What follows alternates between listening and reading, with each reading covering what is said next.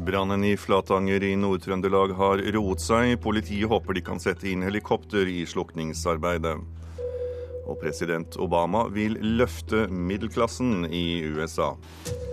Her er NRK Dagsnytt, klokken er 6.30. Brannen i Flatanger kommune i Nord-Trøndelag har roet seg i løpet av natten, og jeg har med nå operasjonsleder i Nord-Trøndelag politidistrikt, Ulf Bertil Wiseth. Fortell oss, hvordan er situasjonen nå i morgentimene? Ja, Det brenner fortsatt på to områder. Eh, men brannen har roa seg betraktelig, og det er jo pga. at det er mindre vind på stedet. Ja, Hvilke to områder er det det er snakk om at det fortsatt brenner? Ja, Det brenner et område Elvika og sørover, og så er det et område vest for uh, Hårnes. I går ble det lagt ut en branngate, som det heter. Altså dere våtla et stort område for å forhindre brannen i å spre seg. Hvordan har den fungert? Den har fungert. På hvilken måte da? Ja, Den har ikke spredd seg over, den. Hvordan organiserer dere slukningsarbeidet nå i videre utover i dag? Ja, Det er jo da meninga at man skal kunne starte opp med slukking ved hjelp av helikopter, og det er planlagt nå klokka sju. Men dere har også hatt eh, helikopter i lufta i natt, ikke for å slukke. Hva gjorde helikopteret? Eh, det var kun observasjon. Hvor mange deltar i slukningsarbeidet nå? Ja, Det er fortsatt ca. 90 eh, personer på stedet i år. Har dere nå fått noen oversikt over hvor mange hus og bygninger som har gått tapt i brannene i Hasvåg og i Småværet? Nei, det har vi ikke noen eh, fullstendig oversikt over ennå. Når regner dere med å kunne få denne? Ja, Det, det vil ikke jeg uttale meg om. Takk skal du ha, operasjonsleder i Nord-Trøndelag politidistrikt, Ulf Bertil Wiseth. De evakuerte fra brannområdene i Flatanger har tilbrakt natten hos venner, familie eller på andre overnattingssteder. I alt er mellom 20 og 30 personer evakuert. For mange har det siste døgnet vært preget av uro, redsel og sorg. Nei,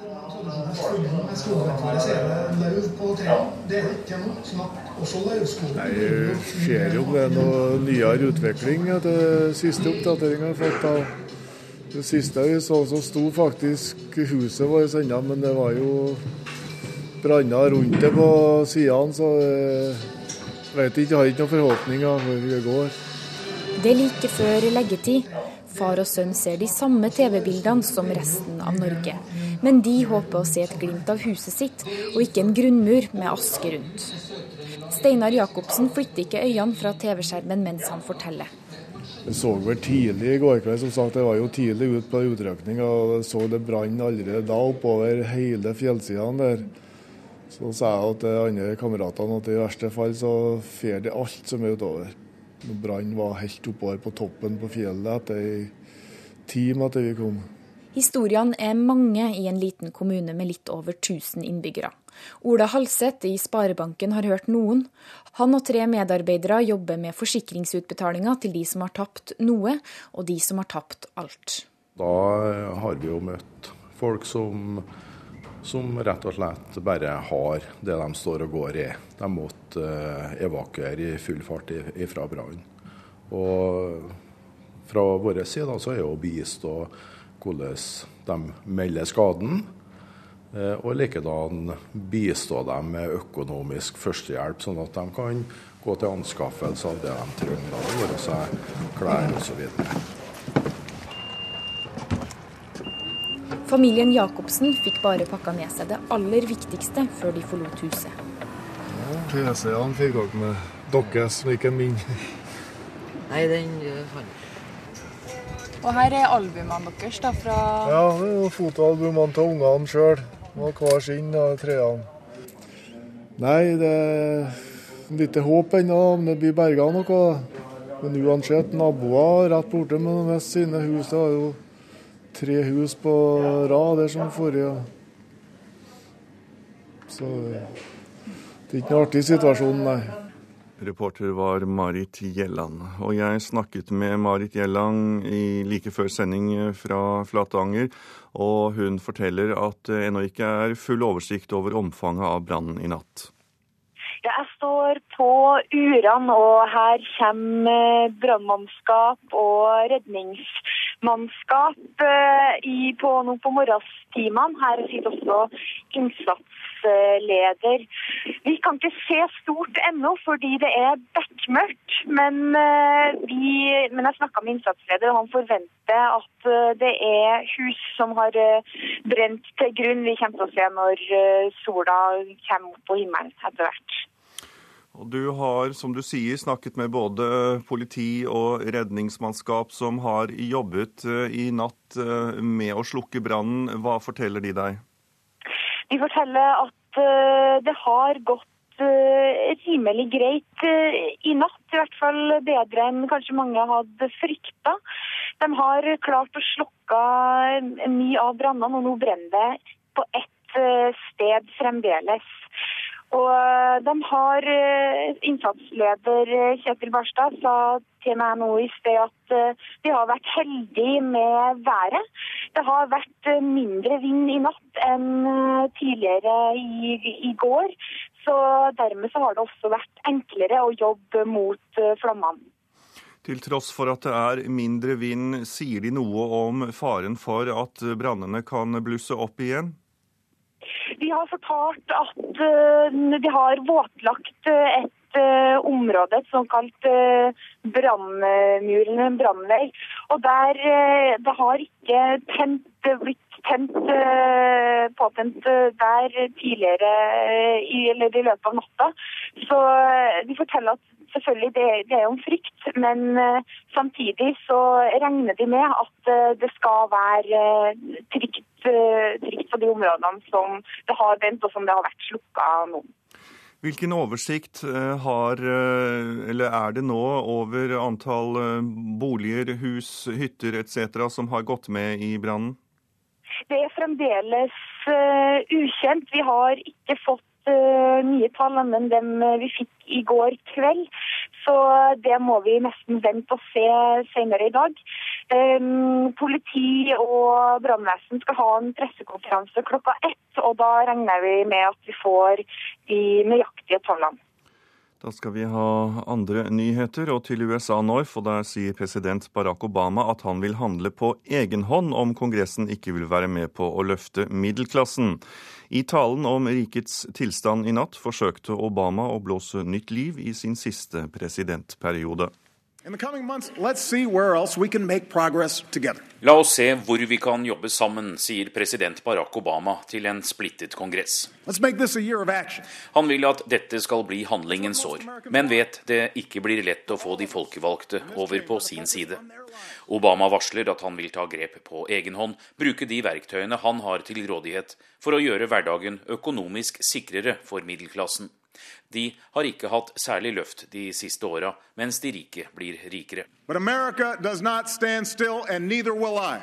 USA står ikke stille, ikke jeg heller, sier presidenten. Hans første prioritet er å sikre jobber, hus og inntekter. Han vil bygge en trygg økonomi for vanlige amerikanere, gi dem muligheter. Og dersom Kongressen ikke vil hjelpe til, vil Obama bruke forskrifter, dekreter og presidentfullmakter for å få fortgang. Han lover konkrete tiltak for å jevne ut de økende forskjellene. Han vil sette et eksempel ved å heve minstelønna for dem som leies inn for staten til rett over 10 dollar, og håper delstater og private bedrifter følger etter.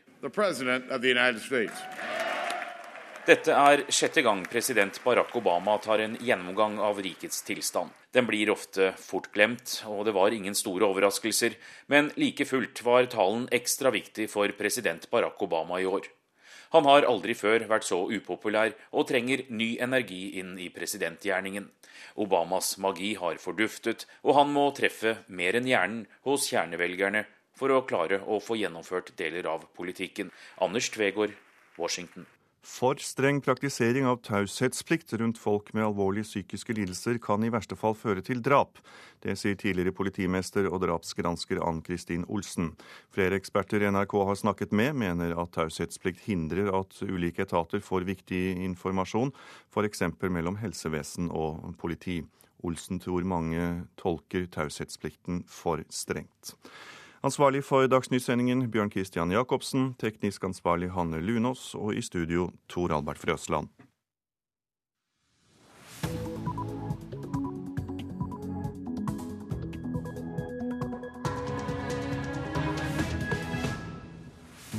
Og Nyhetsmorgen fortsetter med disse sakene. Bare halvparten av pengene til ekstra satsing på helsestasjoner blir brukt til helsesøsterstillinger. Norske barnebøker selger som aldri før i utlandet. Norsk barnelitteratur er jo eh, veldig god. Eh, Kjennetegna av at den tar barnet og barneuniverset på alvor. Margit Walsø, direktør i Senter for norsk skjønn og faglitteratur i utlandet.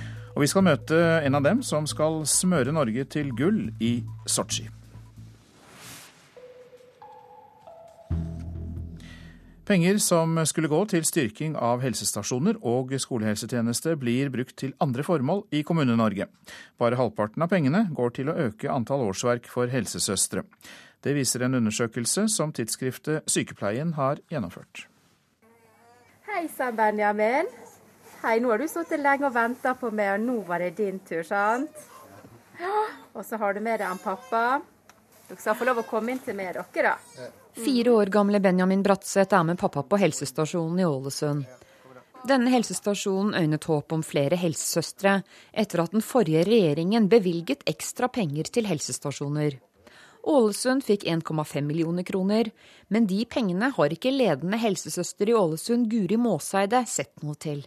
Vi ble jo selvfølgelig veldig skuffa, for vi hadde forventninger til at vi skulle få flere stillinger. Og vi hadde trengt det så sårt.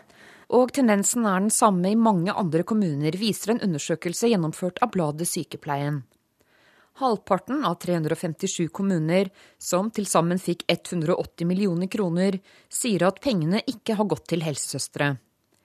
Rådmann Jarle Bjørn Hanken i Ålesund kommune sier det er vanskelig å prioritere helsesøstre når de samtidig må kutte kraftig i andre budsjetter. Det er vanskelig å bygge opp tjenester når f.eks. ca. 20 årsverk i skolesektoren forsvinner pga. budsjettkutt samtidig. Så Fokus i Ålesund kommune det har vært å opprettholde så mye som mulig av tjenestene vi har, og unngå for store kutt.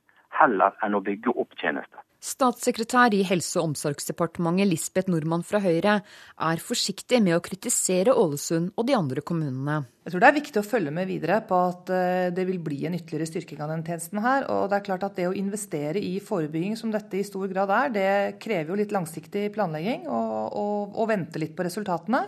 Men hva med kommuner som Ålesund da, f.eks., som sier at vi har ikke råd? Jeg tror det er veldig viktig å tenke at dette bør man prioritere og bruke penger på. Rådmann Jarle Bjørn Hanken påpeker at pengene ble gitt som frie midler. Så Det er altså ikke øremerka for formålet. Kommunen disponerer selv de såkalte frie inntektene. Reportere her, det var Line Tomter, Katrin Hellesnes og Toril Øvre Lid. God morgen, Eli Gunhild By. Du er leder i Sykepleierforbundet, og hvilke følger mener dere det får at pengene blir brukt til andre formål enn å styrke helsestasjonene? Det får jo følger for små barn, for nyfødte som skal følges opp. Det får følger for barn som er i skolepliktig alder. Altså frem til vi er 20 år, så har vi jo faktisk hjelp av helsesøstre. Enten på helsestasjoner eller i skolehelsetjenesten. Det er jo nettopp det. Helsesøstrene er jo et lavterskeltilbud. Vi må huske på at helsesøstrene når omtrent 100 av målgruppa eh, i forhold til dem de faktisk skal møte ut der, og er svært forebyggende og har gode resultater der de er, er til stede. Men en skole er jo også et lavterskeltilbud. Lærerne møter elevene direkte, og her hørte vi fra Ålesund at heller enn å legge ned skoler og fjerne tjenester, så bruker de penger på det enn å bygge opp nye tjenester eller mer av helsesøstertjenester. Nå er det sånn at eh, I statsbudsjettet så har de altså bevilga ekstra penger nettopp for å styrke denne tjenesten. Eh, da er det svært skuffende at eh, kommunene, kommunepolitikerne og rådmennene går inn og ikke nettopp gjør det. Og da tror jeg at det viser vel at skal vi ha sånne ekstrabevilgninger nettopp for å styrke og satse på disse lavterskeltilbudtjenestene, så må det altså øremerkes. Ja, Hvordan skal det da fungere i praksis? Hvis kommunene ikke bruker pengene, så blir de inndratt? Nei, eh, vi har jo Her er det jo en tjeneste som trenger penger, og her eh, Ja, men hvis de, hvis de, satser på andre ting, f.eks. skole og slike ting, så går det da inn for at pengene blir ført tilbake til staten igjen, hvis det ikke blir brukt på helsesøstre? Eh, Forutsetninga mi er nok at de øremerka midlene da må brukes eh, der de er ment som. Eh, eh, det er i hvert fall veldig mye bedre tiltak til enn at halvparten av de pengene som nå er bevilga over statsbudsjettet, faktisk ikke men, brukt, blir brukt til det de er ment som. Men Det kan jo hende at uh, man uh, opplever kvaliteten på helsetjenestene som god nok, og at man ikke trenger de pengene, og at de blir brukt på andre ting. Eh, nå er det sånn at eh, kommuner rundt omkring eh, sier at de ikke klarer å følge opp de nyfødte. Det er mange kommuner i dag som allerede tar vekk noen av de oppgavene som de er pålagt. Så her er det en stor mangel, og her trenger vi mer ressurser fremover i tid. Derfor er det også at politikerne har bevilga ekstra penger i statsbudsjettet for 2014. Og her har de også sagt helt tydelig at her må det trappes opp. Helsedirektoratet har kommet med helt klare tall på at her er det store mangler ute i kommunene. Hva kommer du og Sykepleierforbundet til å gjøre? Nå kommer vi til å be om et eh, møte med helseministeren eh, og KS, nettopp for å høre eh, hva det vi kan foretas i fortsettelsen. Det er helt avgjørende. Takk skal du ha, Eli Gunhild By, som altså er leder i Sykepleierforbundet. Så skal jeg si litt om avisenes forsider. Katastrofen er eneste tekst på forsiden til Trønderavisa, til bilder av flammehavet i Flatanger. Brannfronten strekker seg over halvannen kilometer. Jevnet med jorda etter brannkatastrofen, skriver Namdalsavisa. 90 bygninger er blitt flammenes rov, deriblant butikk og turistanlegg. Det er som sjelen er i brann, og jeg føler en enorm uvisshet, sier Birgit Fossvik til Adresseavisen. Hun drev fisketurisme og bygde opp flytebrygger og leiligheter på Sørneshalvøya i Flatanger. Lav utdannelse, dyr forsikring, ja det er oppslaget i Dagens Næringsliv. De som har lavest utdannelse må betale opptil 65% mer for uføreforsikring enn kunder med høyere utdannelse. Det virker merkelig at utdannelse skal være en så veldig god indikator på risiko, sier fagdirektør Jorge B. Jensen i Forbrukerrådet. Abortopprør og Erna Solbergs første krise, skriver VG. 165 av 187 ordførere sier nei til reservasjonsrett for leger. Ordførere ydmyker egen regjering og samarbeidsavtalen med KrF, skriver avisa. Det er umulig for dem å velge en liten gruppe legeaktivister foran velgerne, skriver kommentator Fridtjof Jacobsen i VG. Omstridte Sylvi Listhaug slår tilbake, skriver Dagbladet. Jeg har ingen grunn til å skamme meg, sier landbruksministeren fra Fremskrittspartiet. Listhaug sier at konsesjonsloven og boplikten i landbruket er utslag av et elementært urettferdig system. Det blir tøffere kamp om tømmeret, kan vi lese i Nasjonen. Glommen skog har åpnet kontorer i det som tradisjonelt har vært områdene til Viken skog. Innovasjonen kan gi økt konkurranse og mindre forutsigbare tømmerpriser, skriver avisa. Frykter ekstremister vil smitte muslimer, skriver Vårt Land. Den store oppmerksomheten for rettssaken mot Obaidullah Hussein kan gjøre ekstreme personer til martyrer, frykter muslim og samfunnsdebattant Osama Rana vil ha raskere banesystem rundt Bergen. Det er oppslaget i Bergens Tidende. Byutviklingsbyråden vil ha jernbanetraseer til flere av omegnskommunene.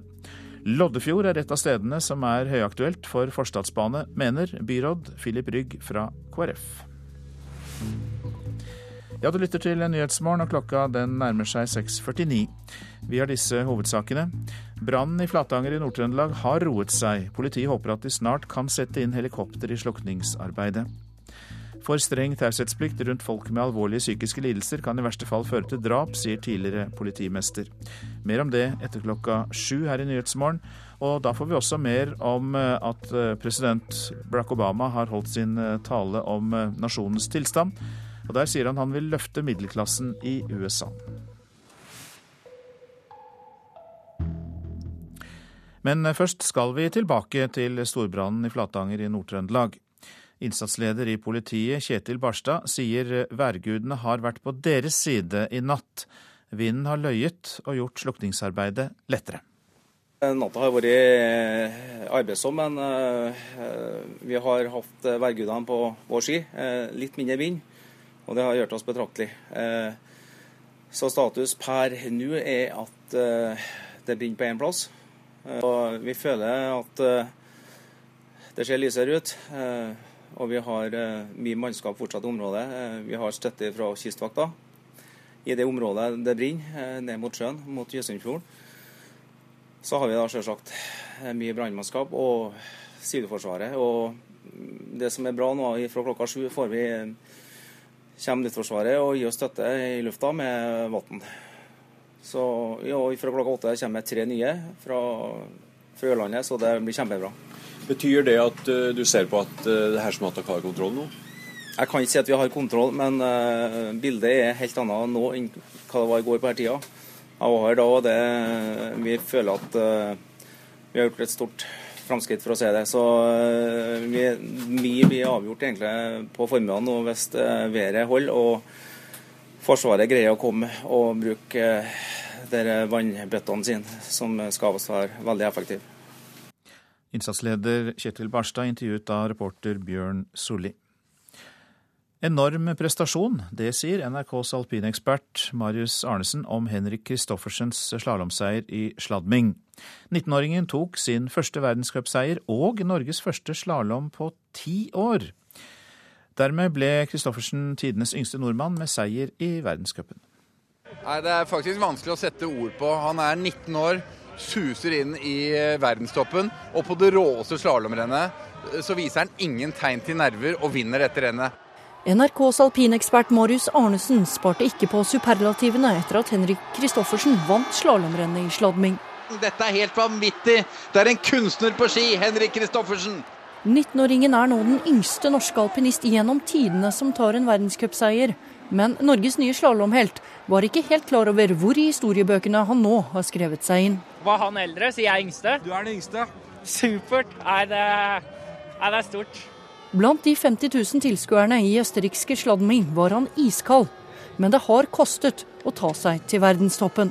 Svette, blod og tårer og mange timer, men uh, det har kosta litt sånn sosialnivå. Det, det skal jeg ikke legge skjul på, men uh, samtidig så ville jeg absolutt uh, gjort det akkurat samme igjen. Han er en ener. Det er første slalåmseieren på lenge. Det er vanskelig å måle det. Det er helt vanvittig, rett og slett. Men med store prestasjoner følger også ekstra press. Kristoffersen bryr seg likevel lite om at med gårsdagens seier har forventningene om OL-gull med ett blitt skyhøye. Jeg skjønner at det blir litt trøkk, det skjønner jeg, men sånn er det bare. Sånn er livet. Og vår reporter i begeistringens rus, det var Vibeke Unnhjem. Norge har ikke bare verdens beste skiløpere, vi har også verdens beste skismørere. En av dem som skal smøre Norge til OL-gull, er Espen Tøllefsen, som har jobbet for landslaget i fire år. Hjemme i Tromsø har han smøreboden full av skipar som skal testes før avreise til Sotsji. Litt er noe mett, eh, men eh, mesteparten er jo noe som tilhører de løperne som er smør for Anders Glørsen, Kristin Størmer Steira og og eh, Martin Jonsrud Sundby. Det er Norges dag, og Martin Jonsrud Sundby krysser målstreken så utslitt, så glad, for han er mesteren av Tour de Ski. Det er bare litt over tre uker siden han Martin Jonsrud Sundby kryssa mållinja først under Tour de Ski. På ski smurt av senjaværingen Espen Tøllefsen. Etter det så har Sundby også vunnet NM på Tøllefsen-smurte ski. Det samme har Kristin Størmer Steira gjort. Nå bruker Espen Tøllefsen de siste dagene hjemme i Tromsø til å teste ut flere av skiparene til de norske OL-håpene. For kanskje har han et gullpar stående i smøreboden i kjelleren i havna. Ja, man tenker jo litt på det. Jeg hadde jo i forkant av VM i forrige, forrige sesong i Val di Fiemme, så hadde jeg jo med meg tre par skøyteski til Martin og, og testa her. Og ja, det, det paret som jeg testa best der, det var det han eh, tok sølv på duatlon i, i, VM. Så det er klart det, det, har skjedd før, og det kan selvfølgelig skje igjen. Blir du nervøs når du skal smøre ski til eh, Martin Jonsrud Sundby, Kristin Størmersteire, Anders Lørsen, og de skal ut og kjempe om edelt metall? Jeg må jo innrømme at, uh, at jeg nok kommer til å, å krible litt ekstra uh, når det er snakk om uh, OL-medaljer som skal deles ut. Spesielt de klassiske distansene, og hvis været blir veldig veksla, eller føret blir veldig vekslende, og sånn, så, så, blir det nok litt ekstra kribling, ja. Og hvis det da blir gull, blir det noe ekstra premie på deg fra, fra Martin? Nei, det blir, det blir nok med den vanlige lønnsslippen også heder og eventuelt heder og ære. Jaha, det var Espen Tøllefsen, og reporter her, det var Jørn Resvoll. Norsk barnelitteratur er svært populær i utlandet. Siden 2010 er antallet oversatte barnebøker blitt fordoblet. Og blant de landene der norske bøker er mest populære, er Kina.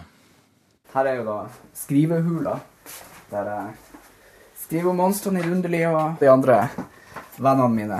Heime på kontoret på Kvaløysletta viser mannen bak monstrene i Dunderly, Endre Lund Eriksen, både bøker, kosedyr og figurer.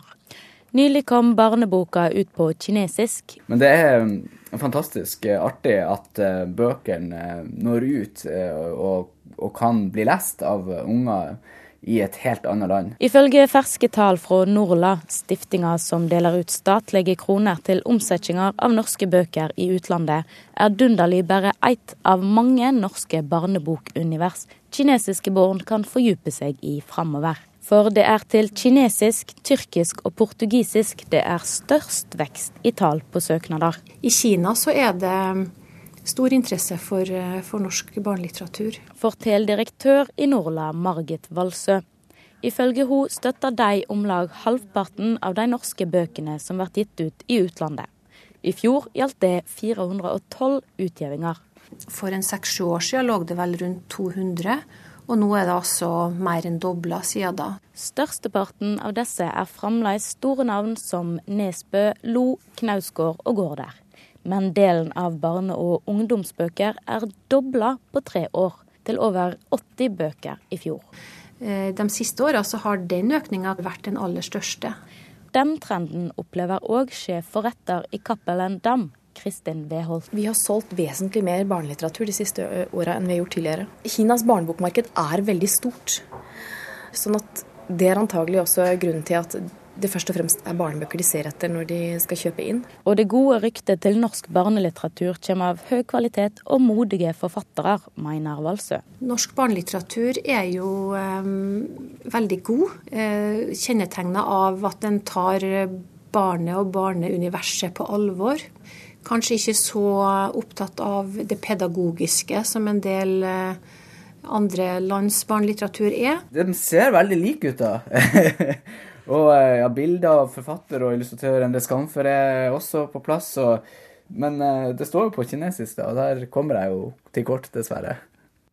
Denne reportasjen var laget av Maria Pile Svåsand. Så tar vi for oss været. Fjell i Sør-Norge. Øst, østlig sterk kuling utsatte steder. Perioder med liten storm. Det blir litt snø i fjellet. I nord og vest stort sett opphold og gløtt av sol. Østland og Telemark får liten kuling på kysten. I morgentimene snø i Vestfold. Telemark og sør og vest i Buskerud. Ellers blir det litt snø av og til. Agder får stiv kuling på kysten. Vest for Oksøy perioder med sterk kuling. Det blir snø i Agder, men lite nedbør lengst vest. Vestlandet sør for Stad. Østlig periodevis sterk kuling utsatte steder og liten storm i fjellet. Seint i kveld opp i full storm i Rogaland men det blir oppholdsvær. Møre og Romsdal og Trøndelag sørøst stiv og periodevis sterk kuling utsatte steder. I fjellet full storm. Litt minkende vind i kveld. Det blir oppholdsvær. Så går vi til Nordland. Sørøstlig stiv kuling utsatte steder. I formiddag minkende til sørøstlig frisk bris i Salten og Ofoten. Liten kuling i Lofoten og Vesterålen. For det meste opphold. Så var det Troms. Sørlig liten kuling utsatte steder. Fra i formiddag sørvestlig liten kuling på kysten. Lettere oppholdsvær. Finnmark sterk kuling lengst i øst. Fra ettermiddag eh, sørvestlig liten kuling på kysten i vest. Delvis skyet opphold og mest skyet på vidda. Nordensjøland på Spitsbergen får spredt snø. Og eh, temperaturer målt klokka fire. Svalbard minus tre, og Kirkenes minus 14. Det er den kaldeste noteringen vi har. Og så tar vi med at det er plussgrader noen steder. Mildest er det i Molde med pluss tre grader.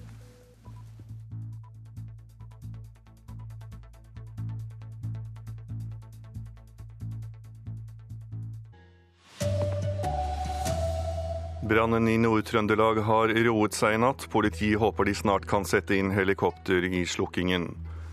For streng praktisering av taushetsplikt rundt folk med alvorlige psykiske lidelser kan føre til drap. Det mener tidligere drapsetterforsker. Her er NRK Dagsnytt klokken sju. Og nå klokken sju skal helikopteret etter planen settes inn i slukningsarbeidet i Flatanger i Nord-Trøndelag. Brannen som har herjet i over ett døgn, har roet seg i løpet av natten. Og jeg har med meg reporter Irina Kjelle. Hvordan er situasjonen i Flatanger nå? Ja, Det politiet sier nå på morgenen, det er at det brenner fortsatt på én plass, ned mot fjorden, men at de har fått slukka brannen på flere steder i løpet av natta. De har hatt eh, værgudene på, på deres side, som de sier. Vinden har minska og gjort slukningsarbeidet lettere. Eh, og nå klokka sju, som du sier, så skal altså Luftforsvarets helikopter inn og slukke fra lufta. Det har de jo ikke kunnet gjøre i natt pga. vind og mørke. Eh, men nå er det altså klart det blir dagslys, eh, og klokka åtte så kommer det ytterligere tre flere helikopter som skal bistå. Og hvordan har brannen utviklet seg i natt? Ja, Det ble jo satt opp en brannvegg i går, altså at det ble sprøyta vann som frøys til is for å hindre spredning. Og Den brannveggen den har fungert, sier politiet, og det har ikke blitt tatt flere hus i løpet av natta. Men de sier det er fortsatt fare for at det kan blusse opp igjen, selv om det jo da er mindre vind enn i går. Takk skal du ha, Irina Kjelle. For streng praktisering av taushetsplikt rundt folk med alvorlige psykiske lidelser kan i verste fall føre til drap. Det sier tidligere politimester og drapsetterforsker Ann-Kristin Olsen. Flere eksperter NRK har snakket med, mener at taushetsplikt hindrer at ulike etater får viktig informasjon, f.eks. helsevesenet og politiet. Men reglene er jo sånn at hvis man foretar en fornuftig avveining av eh, hva er det egentlig som kan vinnes med å utveksle informasjon, så uh, mot ulempene, mot det som er regelverket, så kan man si mer enn man ofte tror. Afghanistans president Hamid Karzai mistenker USA for å stå bak en rekke terrorangrep i Afghanistan, angivelig for å undergrave Karzai som president.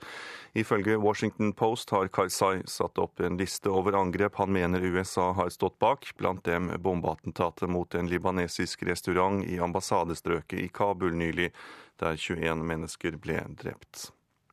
USAs president Barack Obama sa i talen sin om rikets tilstand i natt at han ikke kommer til å godta at forhandlingene om Irans atomprogram blir satt i fare. Dersom nye sanksjoner fra Kongressen setter forhandlingene i fare, kommer jeg til å nedlegge veto, sa Obama. NRK Dagsnytt, Tor Albert Frøsland. Og Nyhetsmorgen fortsetter. Vi får inn rapporter fra slukningsarbeidet i Flatanger, der brannen skal ha roet seg. Direktøren i Brannvernforeningen skal hjelpe oss å forstå denne brannen. Som vi hørte i Dagsnytt, for streng taushetsplikt rundt folk med alvorlige psykiske lidelser kan i verste fall føre til drap. Det sier tidligere politimester. Når kan det være grunn til å bryte taushetsplikten? Det skal vi drøfte nærmere i Nyhetsmorgen.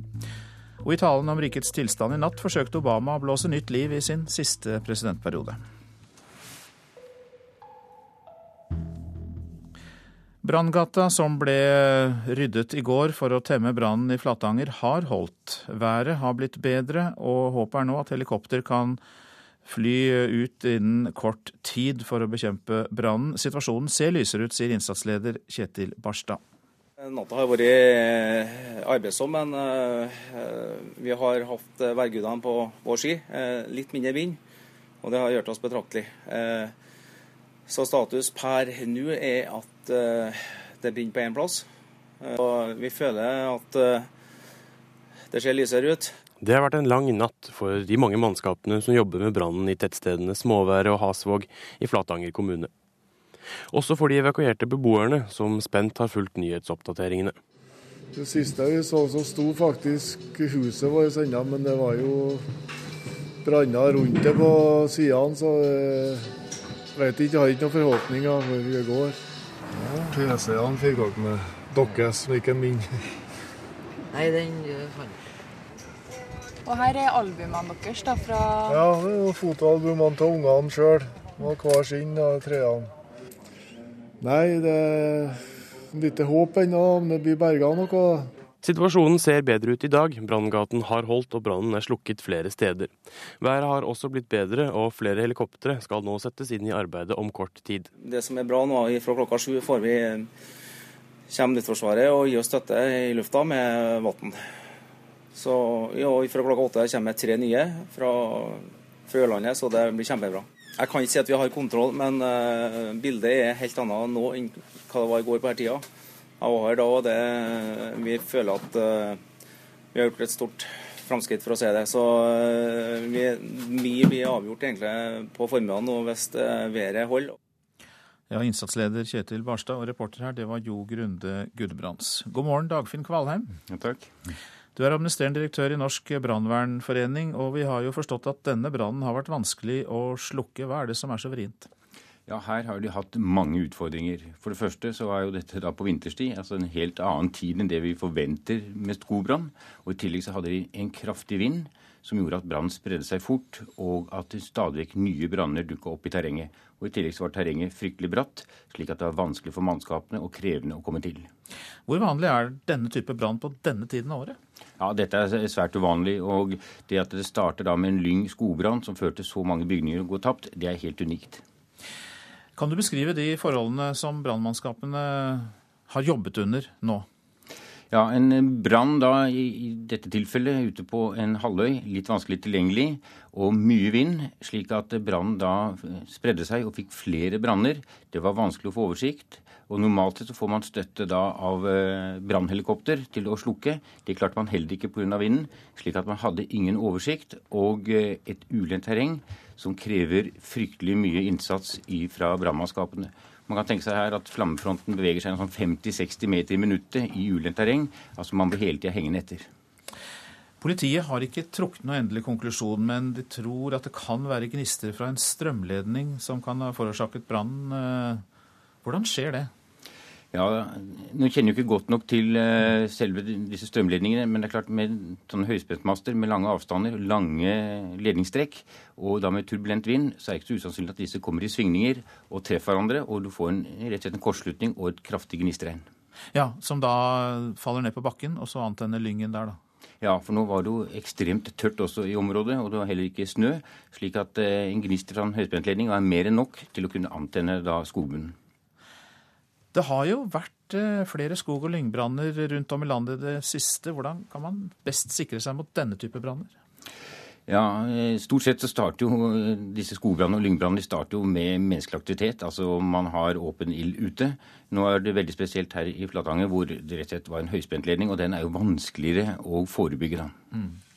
Men er det likevel noe vi bør eh, ta med oss fra denne samtalen, de som hører på, når det gjelder å forebygge og passe oss for at dette kan skje? Ja, Fortsatt er det jo store områder i Norge, langs kysten spesielt, på Vestlandet, hvor det fortsatt er veldig tørt. Så det er jo som om man da skulle ha et bålforbud som man har ellers i året. Da tar vi med oss eh, den advarselen fra deg, eh, Dagfinn Kvalheim, som er administrerende direktør i Norsk brannvernforening. Takk skal du ha. Nå til eh, for streng praktisering av taushetsplikt rundt folk med alvorlige psykiske lidelser, for det kan i verste fall føre til drap. Det sier tidligere politimester og drapsgransker Ann Kristin Olsen. Flere eksperter NRK har snakket med, mener at taushetsplikt hindrer at ulike etater får viktig informasjon, f.eks. helsevesen og politi. Og flere pårørende mener at drap kunne vært unngått dersom informasjonen hadde blitt delt mellom disse bedre. Rett før jul 2011 rømmer en 34 år gammel mann fra en psykiatrisk klinikk i Vestfold. Han har vært innlagt mange ganger pga. paranoid schizofreni. Men til tross for at han har rømt, klarer han likevel å ringe og skrive seg ut over telefon. Rett etter utskrivningen drar han hjem til moren sin og dreper henne med kniv. Eh, hun var til tider redd for han, men eh, hun var jo også veldig glad i han. Så det var jo, det var jo et litt vanskelig forhold sånn sett. Pga. taushetsplikten fikk ingen i familien vite at han hadde rømt. Tilbake sitter 34-åringens lillebror. Han ønsker å være anonym, og han kan fortsatt ikke forstå hvordan dette kunne skje. Nei, Det var jo veldig frustrerende som, som familie, som bror og som nærmeste pårørende å ikke få noe informasjon om det som hadde skjedd. Føler du at eh, det kunne vært unngått? Ja, jeg mener absolutt at eh, det ikke burde ha skjedd. I saken fra Vestfold var det kjent i psykiatrien der fra før av at den svært syke 34-åringen hadde truet moren sin på livet. Han hadde også vært voldsom mot henne. Likevel er det altså ingen automatikk i å informere familien når han hadde rømt. Ja, jeg tenker, eh, tenker, på det nesten hver dag. Det er jo en frustrasjon over at, at det faktisk har skjedd. NRK har kartlagt drap i Norge over en tiårsperiode og sett nærere på drap gjort av alvorlig psykisk syke.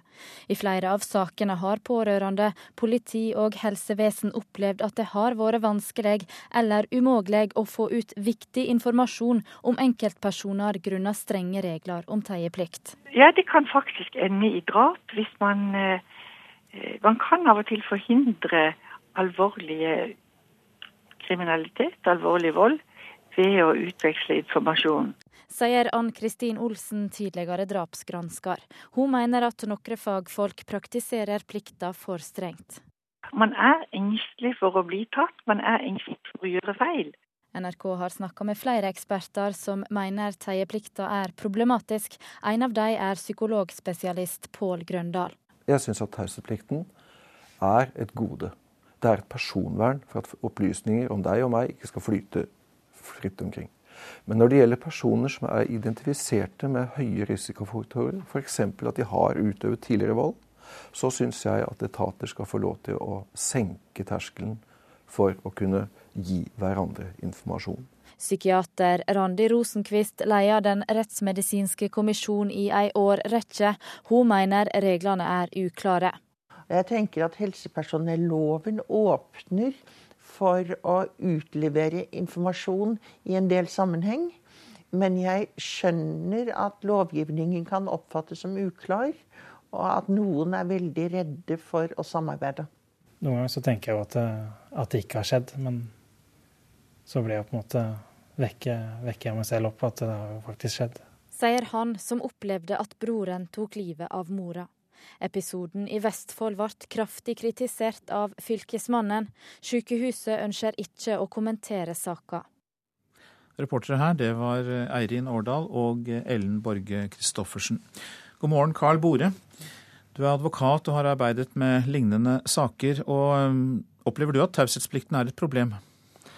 Ja, den er til tider et uh, stort problem. Det er uh, sånn som denne, denne, saken med denne familien, denne moren som, som, ble drept. Eh, det er også mange andre eksempler. Vi har også eh, store problemer innenfor Nav. hvor de har sagt veldig tydelig at de ønsker å få beskjed dersom det er brukere som det knytter seg spesielle risikofaktorer til. Men de får det ikke pga. taushetsplikt. Så det er veldig sterkt behov nå for å se nærmere på dette. Vi har veldig rigide regler. Eh, og vi bør se nærmere på om ikke de bør mykes opp i en del tilfeller, slik at, slik at uh, informasjon kan flyte mellom etater i hvert fall. Hvordan ser du for seg at uh, dagens rigide regler kan mykes opp?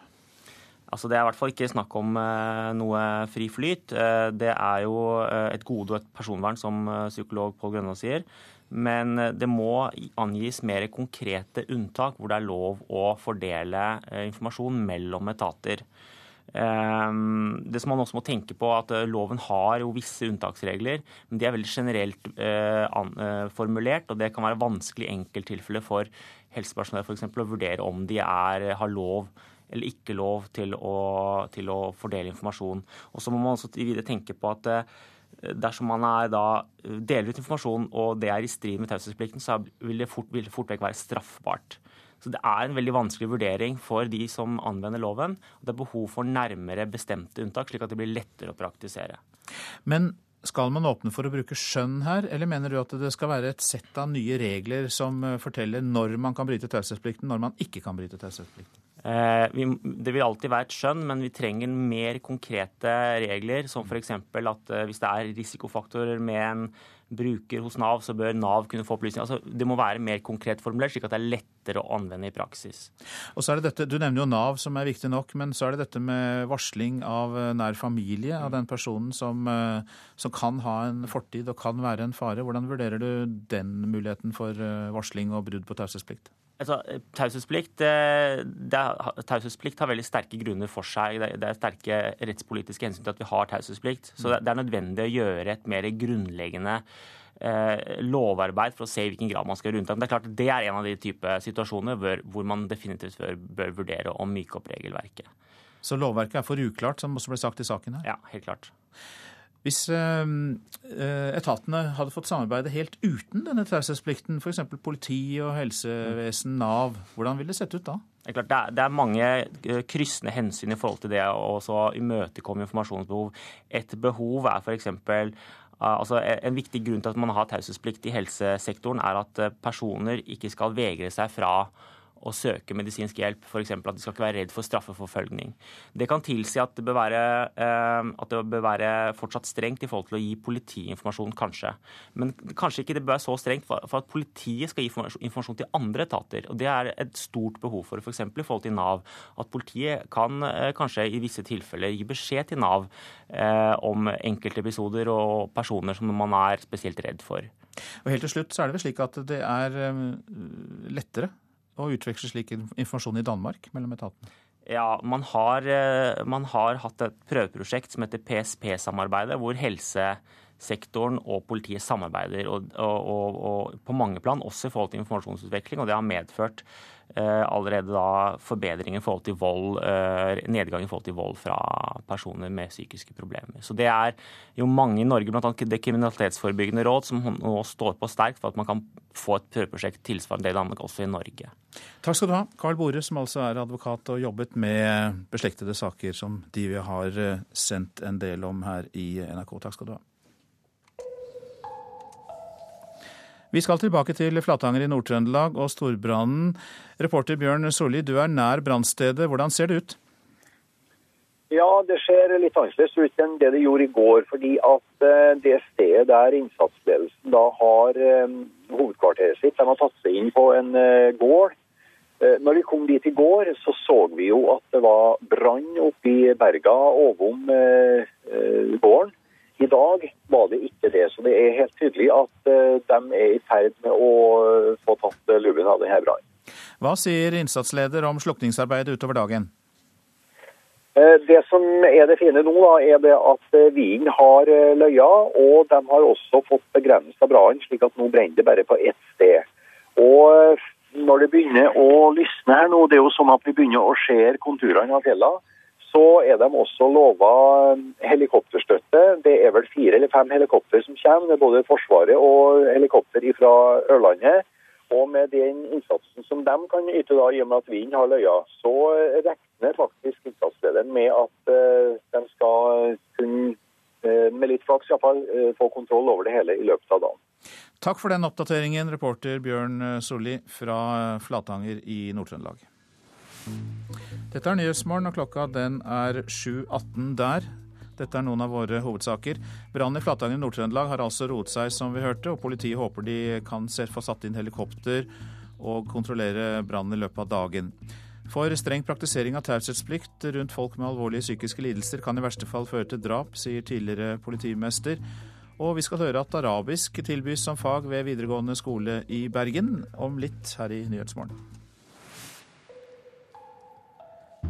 Men først drar vi vestover til USA, for president Barack Obama vil handle på egen hånd om Kongressen ikke vil være med på å løfte middelklassen i USA. Det sa han i talen om rikets tilstand i natt, og der forsøkte han å blåse nytt liv i sin siste presidentperiode.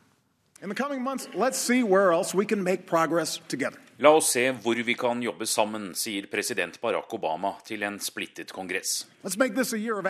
Han vil at dette skal bli handlingens år, men vet det ikke blir lett å få de folkevalgte over på sin side.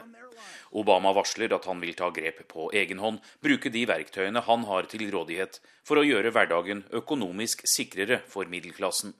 De har ikke hatt særlig løft de siste åra, mens de rike blir rikere.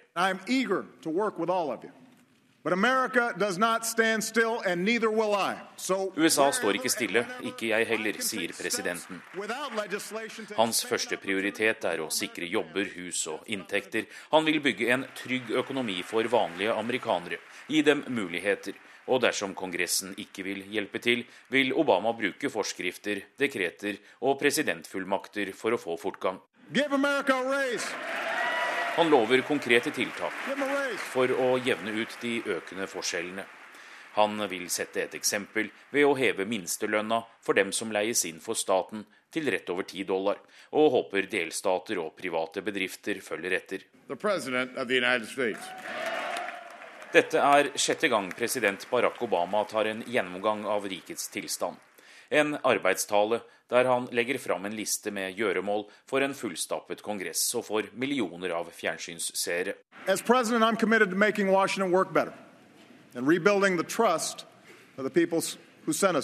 Den blir ofte fort glemt, og det var ingen store overraskelser, men like fullt var talen ekstra viktig for president Barack Obama i år.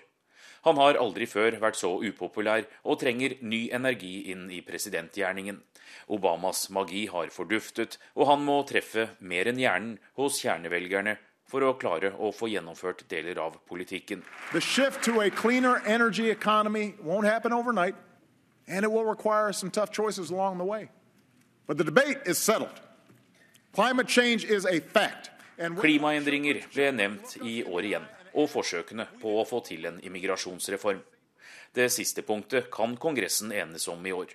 Republikanerne er på glid for å gi lovlig opphold eller en vei til statsborgerskap for de 11 millioner papirløse immigrantene. Bare drøyt ti minutter av de 85 minuttene om rikets tilstand var satt av til utenrikspolitikk. We must give diplomacy a chance to succeed. Presidenten ber Kongressen gi diplomatiet en sjanse i Iran, ikke innføre nye straffetiltak nå.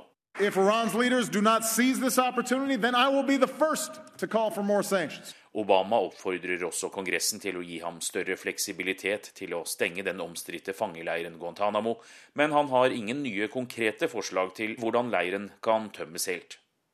Han sier også at avlyttingsprogrammene er under vurdering for å gjenopprette tilliten til allierte, og forsikret en krigstrøtt befolkning om at tilbaketrekkingen i Afghanistan er i rute. Senere i dag legger Obama ut på en turné for å understreke det økonomiske budskapet og få mer oppmerksomhet rundt planene om å styrke og få flere inn i middelklassen. Han skal innom fire delstater de neste to dagene. Anders Tvegård, Washington. Ja, god morgen til deg, Wenche Eriksen. Utenriksmedarbeider og tidligere USA-korrespondent. Ja, Tvegård sa jo her at denne talen er viktig for å få ny magi inn eh, i eh, Obamas ledelse av landet, men den betyr vel også ganske mye for eh, Det demokratiske partiet? Det betyr mye for Det demokratiske partiet, fordi det er mellomvalg i år. Og eh, demokratene risikerer faktisk å miste, miste sitt flertall i Senatet. Det kan skje. Da får i hvert fall ikke Obama gjort noen ting resten av sin periode. Men opp til mellomvalget så er det viktig å inspirere demokratene, eh, de som stiller til valg, og, og få, litt, eh, få dem til å samle seg om saker, føle at de blir inspirert. Eh, så talen er viktig for dem. Det er viktig for presidenten, som, som Anders Tvegård sa, fordi det er den eneste gangen i året han snakker til 30 millioner amerikanere. Eh, tiden renner ut. Eh, hans oppslutning er lav. Eh, det er veldig mye ståhei rundt talen om rikets tilstand hvert år. Det snakkes mye om den på forhånd. Det er mye analyse, kommentarer etterpå. Men om en dag eller to så er den glemt. For det er faktisk slik at det er ingen som husker noen replikker fra eh, taler om rikets tilstand. I hvert fall ikke siden Bush i 2001 snakket om ondskapens akse.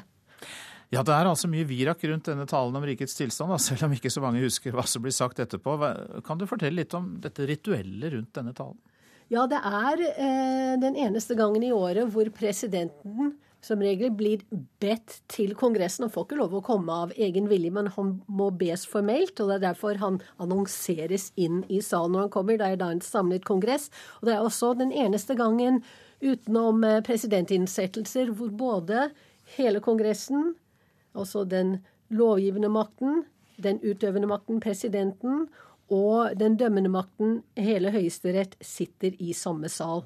Eh, så dette er den symbolikken da, som viser eh, hele statsapparatet er med og hører på denne viktige talen. Og så er det også eh, blitt en tradisjon at det er gjester, altså hverdagshelter, som både kongressrepresentanter, men ikke minst eh, førstedamen sitter med oppe på balkongen.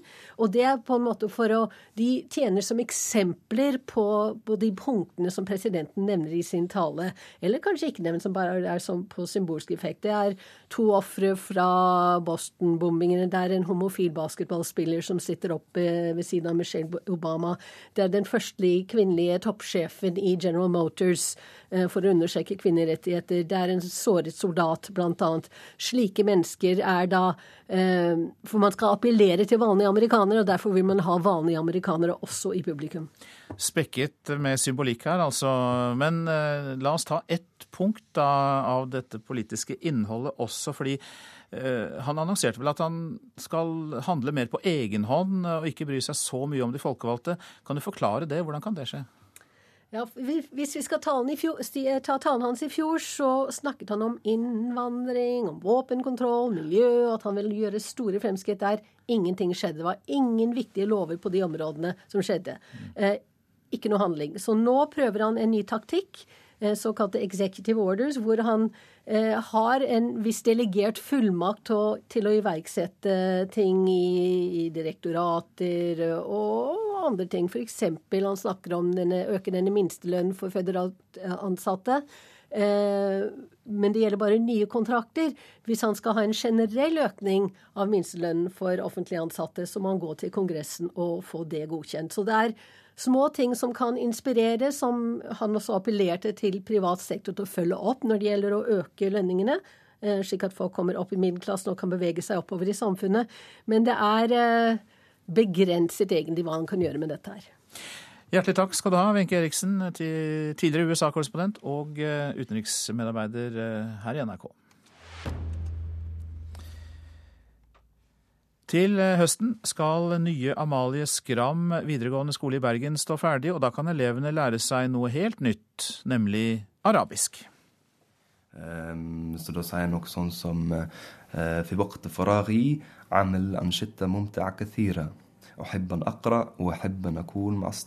Visste du at arabisk er offisielt språk i over 20 land, og 300 millioner har det som morsmål? Fra høsten kan elever velge arabisk som fremmedspråk ved Amalie Skam videregående skole i Bergen. Veldig mange elever er litt sånn overraska. Hæ, skal, skal, vi lære oss arabisk, liksom? Oi. Eh, ja, det var nytt. Ja, spennende. I store og hele så er jeg veldig sånn, syns det er veldig artig med at en skal skrive fra høyre til venstre, at bokstavene henger sammen. og at jeg på en måte forteller at arabisk det, ikke, det går faktisk an å lære seg.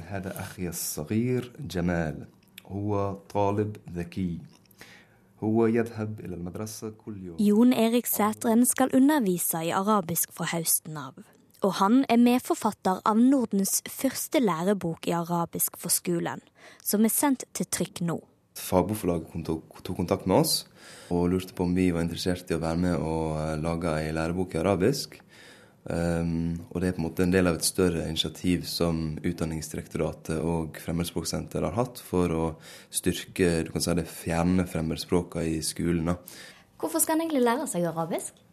Hvis jeg ser på hvorfor ungdommen skal lære seg arabisk, så syns jeg det er fordi at en skal bli kjent med den verden vi, vi lever i. altså en ikke får så mye si, eh, god informasjon om det sånn i hverdagen. I dag underviser Sætren i arabisk ved Universitetet i Bergen. Og Joakim Farestveit er en av studentene hans. Inshallah, du blir fornøyd med leksene Det er ganske spennende. Altså. Det er jo ikke bare lære språk, du får et ganske god innsikt i kultur. Og du, du får litt inn med melka, holdt jeg på å si, at eh, det er en ganske brei kultur der ute som vi ikke har peiling på. Og det er jo det, det, er vanskelig å få tak i liksom, det, det, er ikke en stor eksport av den kulturen, men det du oppdager, det er kjempespennende. Altså.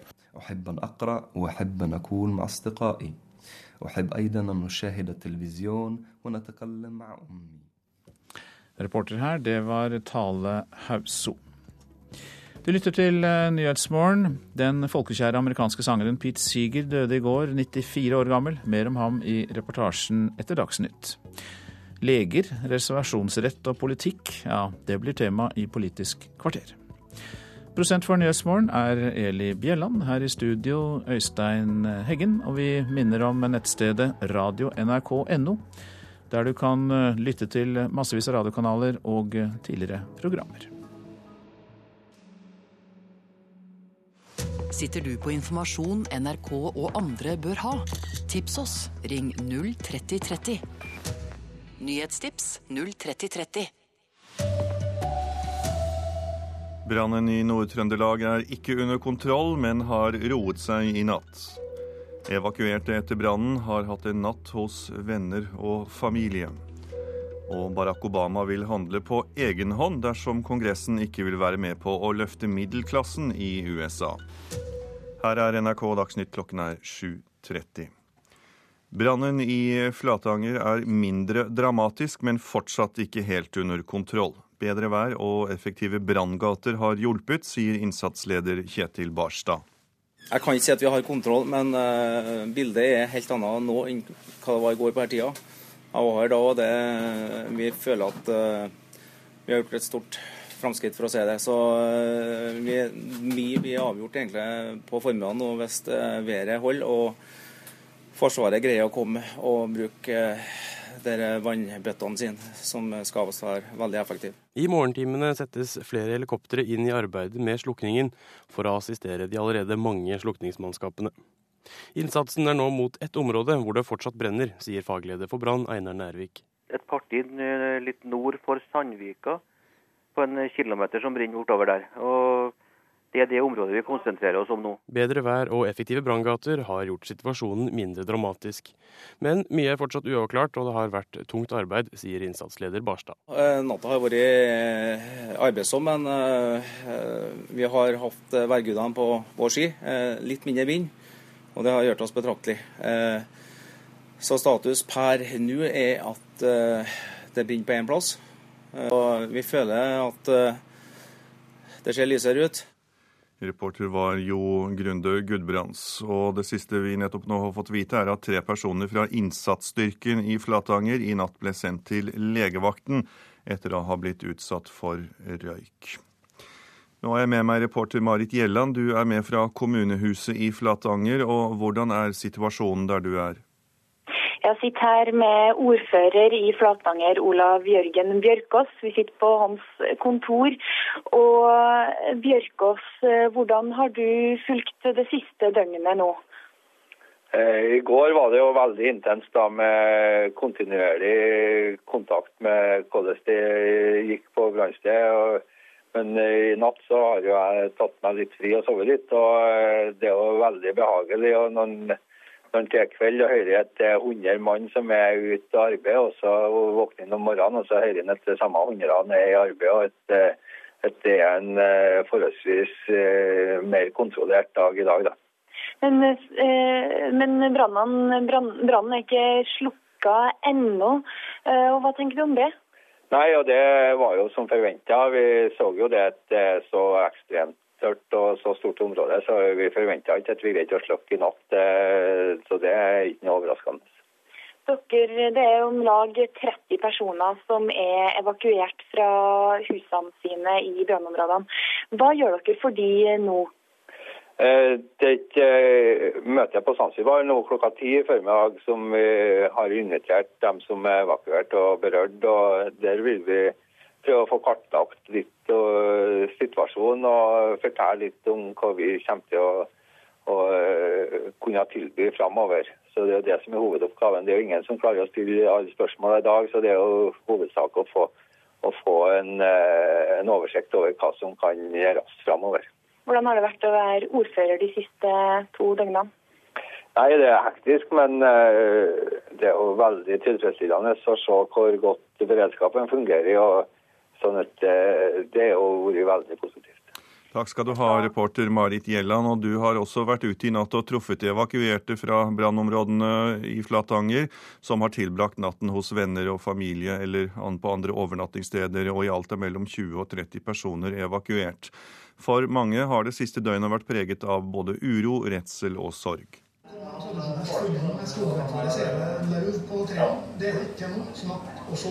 Jeg ser jo det noe nyere utvikling etter siste oppdatering Det siste vi så, så sto faktisk huset vårt ennå, men det var jo branner rundt det på sidene, så jeg vet ikke, jeg har ikke noen forhåpninger. Det er like før leggetid. Far og sønn ser de samme TV-bildene som resten av Norge. Men de håper å se et glimt av huset sitt, og ikke en grunnmur med aske rundt. Steinar Jacobsen flytter ikke øynene fra TV-skjermen mens han forteller. Jeg så vel tidlig i går kveld, som sagt. Jeg var jo tidlig ute på utrykning og så det brann allerede da oppover hele fjellsidene der. Så sa jeg til andre kameratene at i verste fall så fer det alt som er utover. Brannen var helt oppover på toppen på fjellet etter ei time etter vi kom. Historiene er mange i en liten kommune med litt over 1000 innbyggere. Ola Halseth i Sparebanken har hørt noen. Han og tre medarbeidere jobber med forsikringsutbetalinger til de som har tapt noe, og de som har tapt alt. Da har vi jo møtt folk som, som rett og slett bare har det de står og går i. De måtte eh, evakuere i full fart fra brannen. Og fra vår side så er det å bistå hvordan de melder skaden. Eh, og likedan bistå dem med økonomisk førstehjelp, sånn at de kan gå til anskaffelse av det de trenger. Det være seg klær osv. Familien Jacobsen fikk bare pakka med seg det aller viktigste før de forlot huset. Ja, PC-ene fikk dere med deres, men ikke min.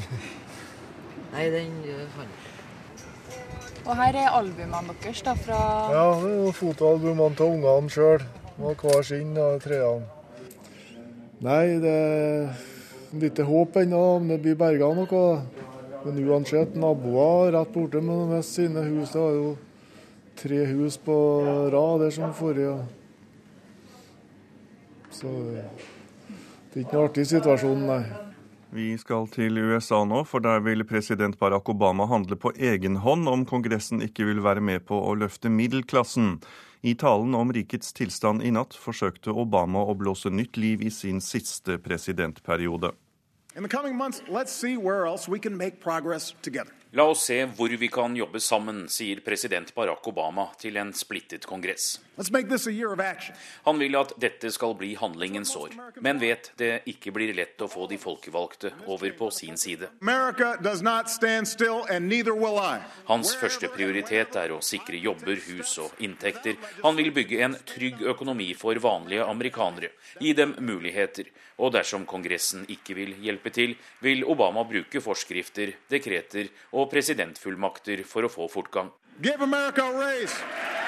Han lover konkrete tiltak for å jevne ut de økende forskjellene. Han vil sette et eksempel ved å heve minstelønna for dem som leies inn for staten, til rett over 10 dollar, og håper delstater og private bedrifter følger etter. Allies, Bare drøyt ti minutter av de 85 minuttene om rikets tilstand var satt av til utenrikspolitikk.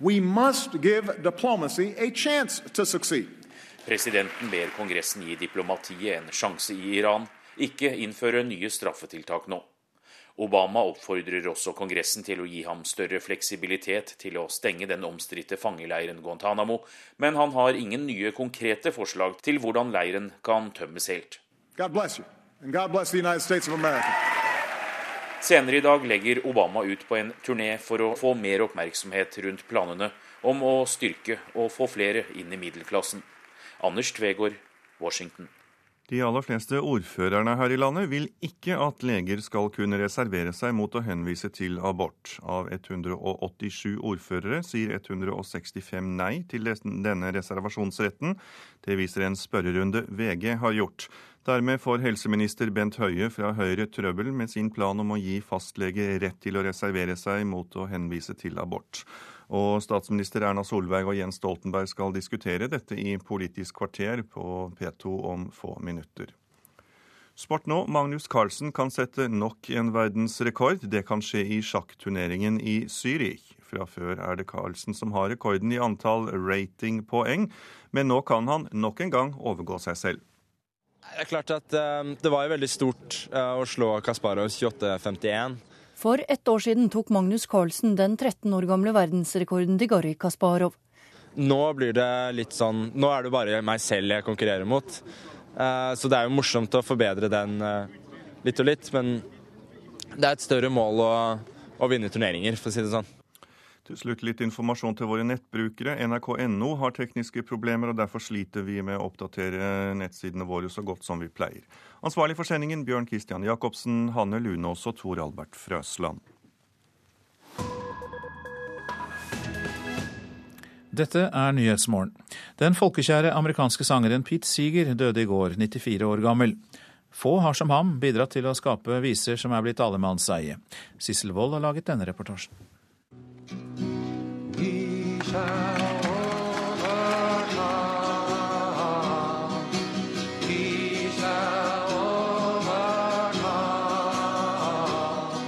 Det var ikke Pete Seeger som skrev 'We Shall Overcome', men det var ham som gjorde den kjent, sangen som ble borgerrettighetsbevegelsens egen hymne. Pete Seeger skapte sanger selv og med andre. Tekstene var aldri likegyldige. De speilet hans sterke samfunnsengasjement. Sangene ble allemannseie, en del av flere generasjoners oppvekst og oppvåkning.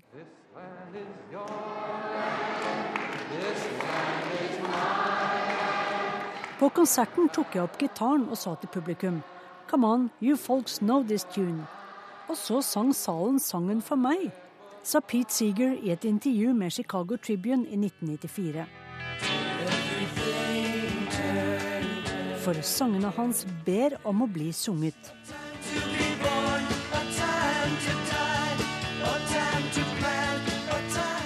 Seeger ble født i 1919 i New York med foreldre som både underviste i musikk og komponerte, og med en far som var sterkt politisk engasjert, ja, så gikk det som det gikk med Pete Seeger.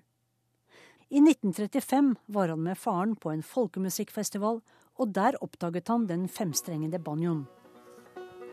Året etter begynte han på Harvard University. Seeger fattet mindre interesse for studiene, men gikk mer på møtene til kommunistpartiet og var medlem av partiet et par år. Han møtte amerikansk-japanske Toshi på en danseklubb i New York. Etter Japans angrep på Pearl Harbor i 1941 og USAs to atombomber over Hiroshima og Nagasaki var ikke forholdet særlig godt mellom Japan og USA. Men det skremte ikke Pete og Toshi fra å gifte seg. Seeger startet gruppen The Weavers med fire andre musikere etter krigen. Samtidig begynte senator Joseph McCarthy sin kommunistjakt. Alle som kunne tenkes å ha kommunistsympatier, ble tauet inn. Bandet The Weavers ble svartelistet. Alle konserter, opptredener og avtaler i radio og TV ble avlyst. Pete Seeger måtte møte opp til høring i Representantenes hus sin komité for antiamerikansk virksomhet. Han nektet å svare på spørsmål om egne eller andres politiske standpunkt. Seeger ble dømt til ett år i fengsel for å ha vist forakt for Kongressen, men dommen ble aldri satt ut i livet.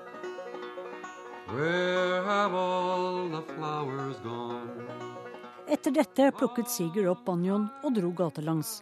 Han sang på gatehjørner, i forsamlingshus, i skoler, kirker og der vanlige folk var. Han sang om urettferdighet, menneskerettigheter og nedrustning og miljøvern. Med 60-tallet kom blomsterbarna som var for fri kjærlighet og imot Vietnamkrigen.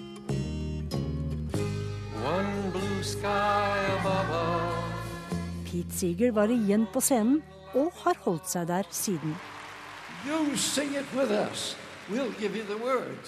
For nesten 90 år gammel sang han og Bruce Springsteen på president Barack Obamas innsettelsesseremoni. As I went walking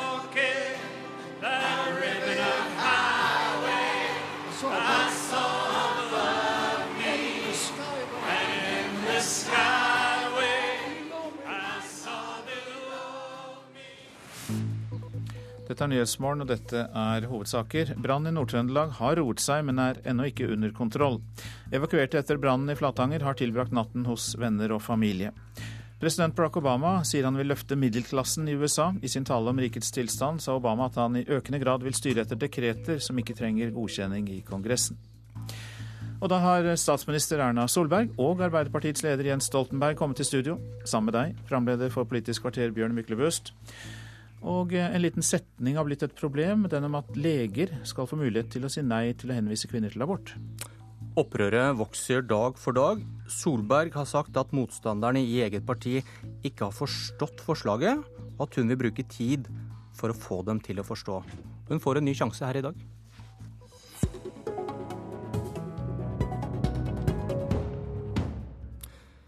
Hvis alle bare kunne gjøre som de ville, da hadde kanskje noen Høyre-representanter stilt deg noen kritiske spørsmål i spørretimen i dag, statsminister Erna Solberg fra Høyre? Det vet jeg ikke, men når vi behandlet regjeringsgrunnlaget, eh, altså grunnlaget og avtalen, eh, så var dette spørsmålet om eh, å gi en mulighet til å reservere seg for leger som har store samvittighetsutfordringer med å henvise til abort. Det var et tema som var tydelig diskutert og akseptert av Høyres stortingsgruppe. Og jeg syns jo det er viktig å si at det vi foreslår, er jo en mulighet når vi har sikret at kvinnen som er i en vanskelig situasjon, som søker abort, og vi vet at det er vanskelige situasjoner for alle kvinner som gjør det, at de skal, skal ikke oppleve en belastende situasjon med å møte en lege som ikke har vært åpen om å reservere seg, men som faktisk da har et plikt og et ansvar for å sørge for at denne kvinnen får den beste behandlingen, rask behandling hos en annen lege, for den videre henvisningen. Det vi gjør nå, er jo faktisk å sørge for at vi ikke får de vanskelige møtene som i mange år faktisk har skjedd på legekontorer rundt omkring i Norge. Også under åtte år med rød-grønt styre har kvinner kommet inn på et legekontor og fått bakoversveis fordi at en, eh, der sittet en lege de ikke visste, hadde reservert seg mot henvisning til abort. Nå kommer ikke det til å skje med de reglene vi har. Det har du sagt, og det har Bent Høie sagt mange ganger nå. Og alle disse eget parti som nå protesterer så høylytt. Hva er det de ikke har forstått? Jeg har ikke sagt at jeg ikke har forstått. Jeg har sagt at jeg tror at å, å, tenke gjennom hva, hva, vi faktisk foreslår, det kan kreve litt tid. Fordi at når jeg hører at folk sier at dette kommer til å begrense abortmuligheten, så er jeg dypt uenig med dette. Dette begrenser ingen kvinners rett eller mulighet til å få abort. Eh, men òg det bidrar til at man ikke får de negative møtene som noen kvinner nok har opplevd ved at de ikke har vært klar over at deres fastlege har vært en lege som har reservert seg mot henvisning. Nå vil det være åpenhet om det.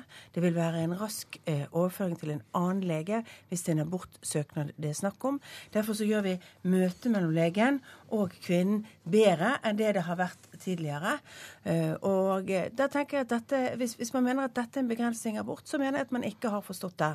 For det er det ikke. Men, men, man kan være er, er, enig eller uenig i om fastleger skal få lov til å ha denne muligheten, men eh, det, kvinners rettighet er meget godt tatt imot. og Det sier alle de kommentatorene som har gått inn i dette, sier det.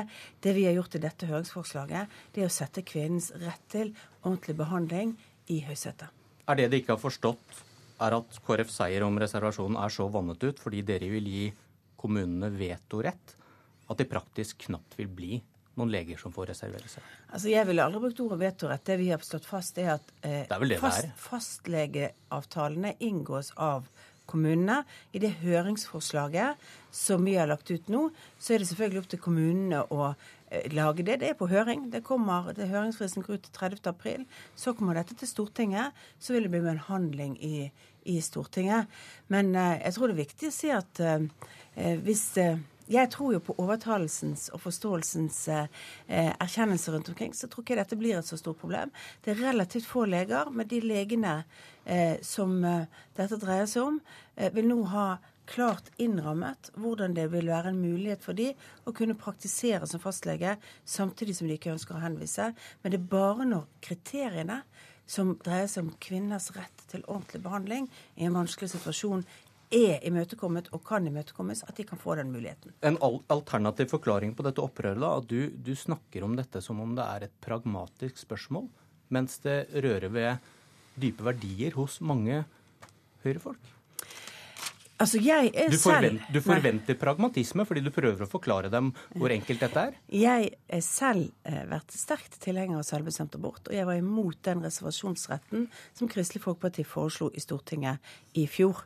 Eh, men jeg mener vi har et annet forslag, og jeg derfor mener jeg at det er viktig for meg å argumentere for at dette er et annet forslag, hvor vi klarer å veie opp to hensyn. Kvinnens møte med et helsevesen som skal være godt. Ikke sånn som det har vært i mange år nå, at du overraskende kunne oppleve en lege som da sender deg negative signaler fordi de ikke vil henvise deg, og det har ikke vært et system for hvordan vi behandler deg da. Nå får vi det på plass. Og jeg tror jo på overtalelsesmakt. At vi alle har sterke følelser rundt abortspørsmålet, det har jeg stor forståelse for. Men jeg mener at dette har vi løst, og derfor har jeg tenkt å forklare og snakke om hvorfor dette er løst. Leder i Arbeiderpartiet, Jens Stoltenberg. Om du forstår forslaget, så legger du kanskje vrangviljen til, for du vil jo gjøre denne saken til abortkampens frontlinje? Det er en viktig sak av flere grunner. For det første så er det en viktig sak fordi det er viktige prinsipper og verdier vi eh, snakker om. Eh, det å tenke seg at du skal ha et system der eh, det offentlige inngår avtale med leger, eller i og for seg andre yrkesgrupper som skal utføre oppdrag på vegne av fellesskapet, og så har de fri rett til å reservere seg mot deler av de oppdragene, det mener jeg er et veldig vanskelig eh, prinsipp å praktisere. Vi har en ordning der man for de som skal utføre selve eh, inngrepet, kan reservere seg, men det har ingen praktisk betydning for pasientene, for det ordnes på sykehuset. Eh, de som ønsker abort, eh, ser ingenting til det. Men dette vil noen av de mest sårbare eller sårbare eh, kvinner, ofte unge jenter, som eh, har fått et svangerskap de ønsker å avbryte, vil oppleve dette som et problem. Vi vet at eh, mange av de unge jentene de har ikke valgt fastlege til å gå inn og se på en liste over hvem som har reservert seg ikke reservert seg. De har gjerne fått familien eller morens fastlege, eller de har flyttet til et studiested og fått tildelt en fastlege. Og så plutselig opplever de at de skal ønsker ønske en abort, og så opplever de disse problemene. Det er feil å si at det er adgang til dette i dag. Det er jo nettopp uh, en praksis som Eh, eh, som vi eh, strammet inn med egen forskrift, slik at det er ikke i dag adgang til denne type reservasjon. Det ble også klargjort i og for seg allerede tilbake til 70-tallet, da abortloven kom. Den gangen stemte jo Høyre mot selvbestemt abort. Og det var også en diskusjon den gang om reservasjonsadgang, og det ble klargjort, klargjort fra regjeringens side at det ikke var adgang til denne type reservasjon. Men for å være litt pragmatisk, Stoltenberg, nå holder jeg opp VGs forside fra i dag, hvor 165 av 187 ordførere sier nei til reservasjon for legene. Og da er vel problemet løst, da? For Erna Solberg har jo lagt inn at kommunene skal få bestemme selv. Så, altså jeg er jo glad for at det er mye motstand mot dette forslaget, for jeg mener det prinsipielt er uheldig. Spesielt i et samfunn der vi får eh, flere kulturer, flere regioner, flere som skal utøve legeoppdrag og andre oppdrag på vegne av det offentlige. Eh, og der er det veldig prinsipielt uheldig å akseptere at legens samvittighet skal være viktigere enn pasientens eh, rettigheter. Samtidig så syns jeg det er noe uryddig i at kommunene skal bli en slagmark for denne type prinsipiell verdikamp. Det er riktig at det er kommunene som inngår avtalen med fastlegene, men staten fastsetter jo rammer for de avtalene.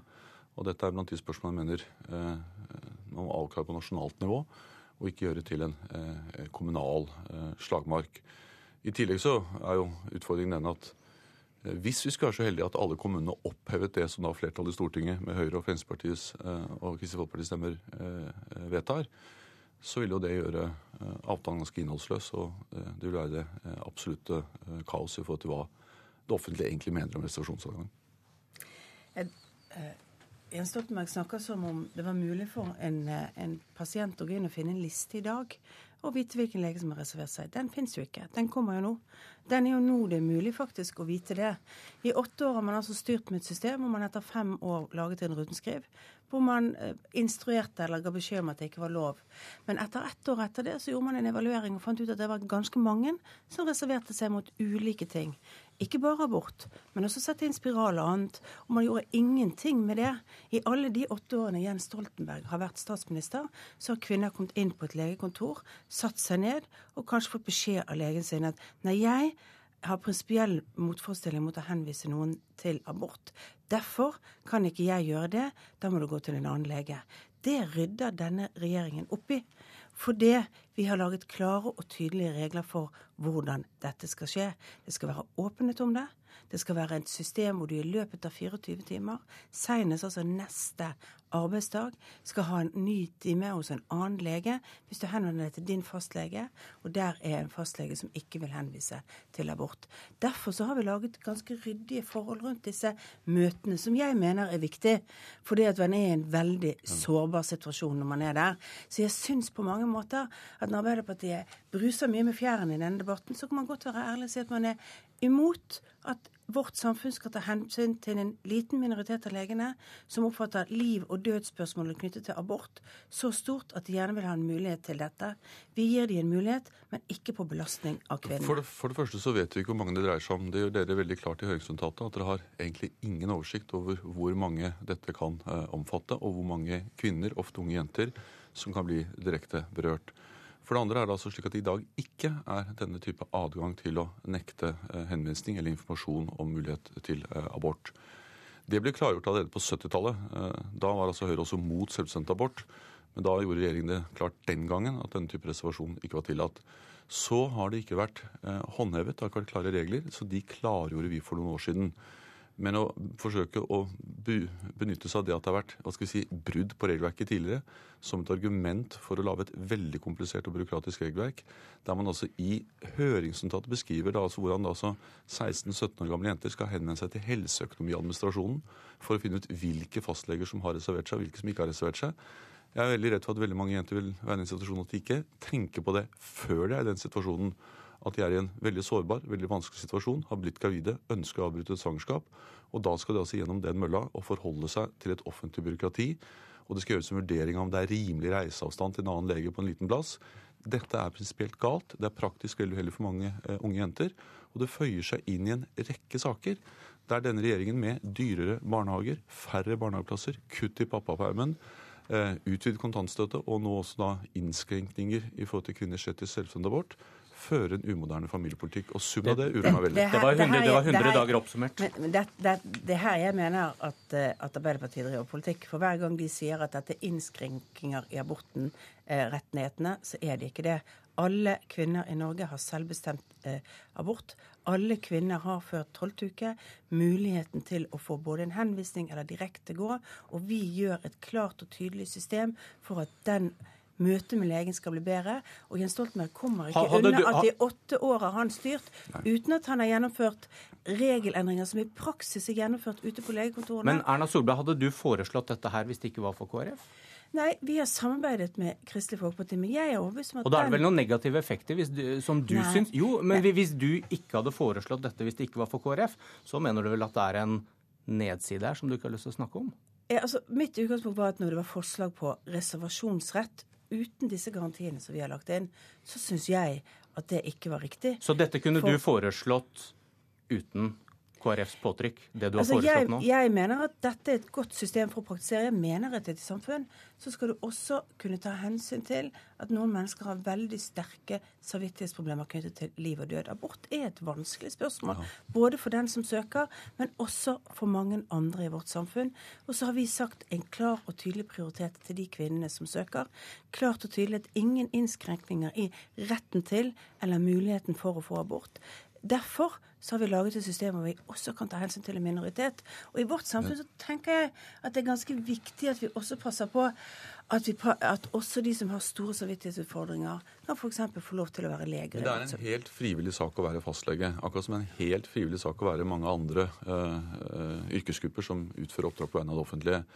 Men en del av det som følger med det, er at du da også skal utføre de oppdragene som det offentlige ber deg om å gjøre. Og det kan ikke være valgfritt hvilke oppdrag eh, du ønsker å utføre.